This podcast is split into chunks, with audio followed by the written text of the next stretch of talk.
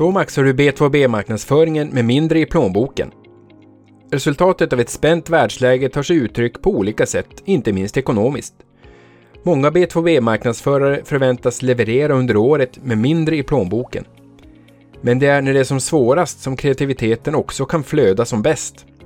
Även om budgeten är mer tajt än vanligt finns det stora möjligheter och inte minst anledningar att fortsätta synas för våra potentiella kunder. I denna artikel inspirerar vi dig om aktiviteter som inte kräver allt för mycket budget, men som kan göra stor skillnad för B2B-marknadsföringen. Det gamla talesättet säger “man tager vad man haver” hemma i skafferiet. Så här kan du använda budskapet i din B2B-marknadsföring. Kundcase tillsammans med befintliga kunder. Nöjda kunder är ett av de vassaste verktygen vi har i vårt marknadsföringsarbete. Har ni lyft era befintliga kunder så mycket som ni skulle kunna? Ett skriftligt kundcase om ert samarbete behöver inte ta lång tid att ta fram. Boka in en timmes intervju med en av era kunder där ni pratar om ert samarbete, hur det började, var ni är idag och vart ni är på väg. Vilka är utmaningarna och hur har ni löst dem tillsammans? Resultatet blir ett kundcase som kan publiceras som en artikel på sajten och aktiveras i alla era kanaler som till exempel LinkedIn och nyhetsbrev. Ett kundcase behöver inte vara en lång roman.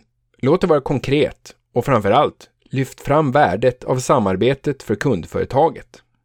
På vår sajt kan du ladda ner en e-bok om hur du vässar din marknadsföring med hjälp av dina kunder. Lyft fram de anställdas kunskap. Ditt företag är förmodligen fyllt av personer med kunskap och erfarenheter. Många gånger används inte detta tillräckligt i marknadsföringen. Välj ut en person från varje avdelning som får dela med sig av sina bästa tips eller erfarenheter. En IT-chef kan ge tips för hur man optimerar sitt IT-system och en produktchef kan lyfta fram värdet för just er produkt eller tjänst och varför ni har utvecklat den tjänsten. Förmodligen sitter du som B2B-marknadsförare på en hel del kunskap som är värt att dela för just din bransch. Dela tipsen på LinkedIn tillsammans med en bild på personen och ni har ett inlägg som blir relevant att dela vidare och som inte minst får fram företagets expertkunskap i rampljuset. Reduce, Reuse, Recycle.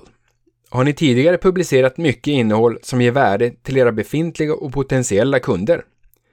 Tveka då inte att återanvända det Reduce, Reuse och Recycle handlar om att fokusera på att skapa värdefullt innehåll, aktivera det flera gånger och att omforma publicerat innehåll till andra format. Även om du själv är less på att repetera samma budskap eller kanske inte ser något värde i att aktivera ett gammalt blogginlägg igen, så har säkert dina kunder värde av ditt innehåll. Troligen har inte alla dina kontakter, följare och prenumeranter läst just det blogginlägget. Och om vissa personer får se det igen så kan vi påminna oss om ett annat gammalt uttryck. Repetition är kunskapens moder. Vi tycker inte bara att du kan återanvända ditt innehåll, utan att du ska göra det. Börja med att inventera ert befintliga innehåll. Har ni innehåll på er sajt som inte har uppdaterats på länge? Uppdatera några bloggposter eller erbjudandesidor med aktuella siffror, en ny bild, ny rubrik, ett tillägg fler länkar till annat värdefullt innehåll och sen aktivera innehållet i era egna kanaler igen. Kan en lång faktaartikel aktiveras flera gånger genom olika LinkedIn-inlägg med olika Key Takeaways ur artikeln? Kan samma faktaartikel bli flera korta filmer? Tack vare dagens teknik går det att få till proffsiga filmer med en smartphone. Och filmerna kan innehålla medarbetare som kortfattat tar upp kundernas utmaningar och inspirerar till diskussion på LinkedIn.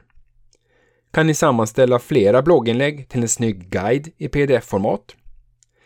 Det finns väldigt många sätt att återanvända ert innehåll. Låt idéerna flöda. Kom ihåg att fortsätta synas. Ni behöver inte synas överallt i alla kanaler hela tiden. Men ni behöver fortfarande skapa varumärkesmedvetenhet snarare än att försvinna helt för att sedan dyka upp igen när det är bättre tider. Den goda nyheten är att det finns bra möjligheter att fortsätta synas, även om budgeten är knaper för digital aktivering. Att personligen interagera i kommentarsfält på sociala medier, tagga relevanta personer i inlägg och skriva egna inlägg och dela reflektioner, det gör att du och företaget syns. För den som faktiskt har pengar kvar i mediebudgeten kan också tuffare tider erbjuda en möjlighet att öka räckvidden och frekvens i köpta kanaler för samma peng i och med att trycket minskar när marknadsbudgetar stryps. Gränsöverskridande interna workshops. Vi har sagt det förr och vi säger det igen. Det är hög tid för gränsöverskridande samarbeten inom organisationen för att optimera B2B-marknadsföringen. Ta tillfället i akt och prata med kollegorna från de andra avdelningarna. Vilka är de vanligaste frågorna vi får? Vilka är de vanligaste utmaningarna som våra kunder står inför? Hur ser feedbacken ut? Genom att samla insikter kan ni skapa innehåll som svarar på frågorna och funderingarna. Kanske resulterar det i en Q&A på sajten eller varför inte en guide som ger svar på de vanligaste frågorna. Vill du veta mer om hur ni kan växa affären genom bättre samarbete mellan marknad och sälj? Då kan du ladda ner vår e-bok Fler leads och mer affärer när marknad och sälj samarbetar. Fler tips om B2B-marknadsföring. Vill du ha mer inspiration om smarta aktiviteter för din B2B-marknadsföring? I vår inspirationsportal på sajten finns över 200 artiklar om B2B-marknadsföring och försäljning och på Crescendos LinkedIn-sida kan du ta del av löpande uppdateringar om detta intressanta ämne.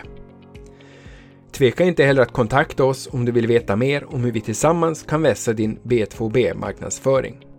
Kom ihåg att prenumerera på B2B-podden och följ oss gärna på LinkedIn.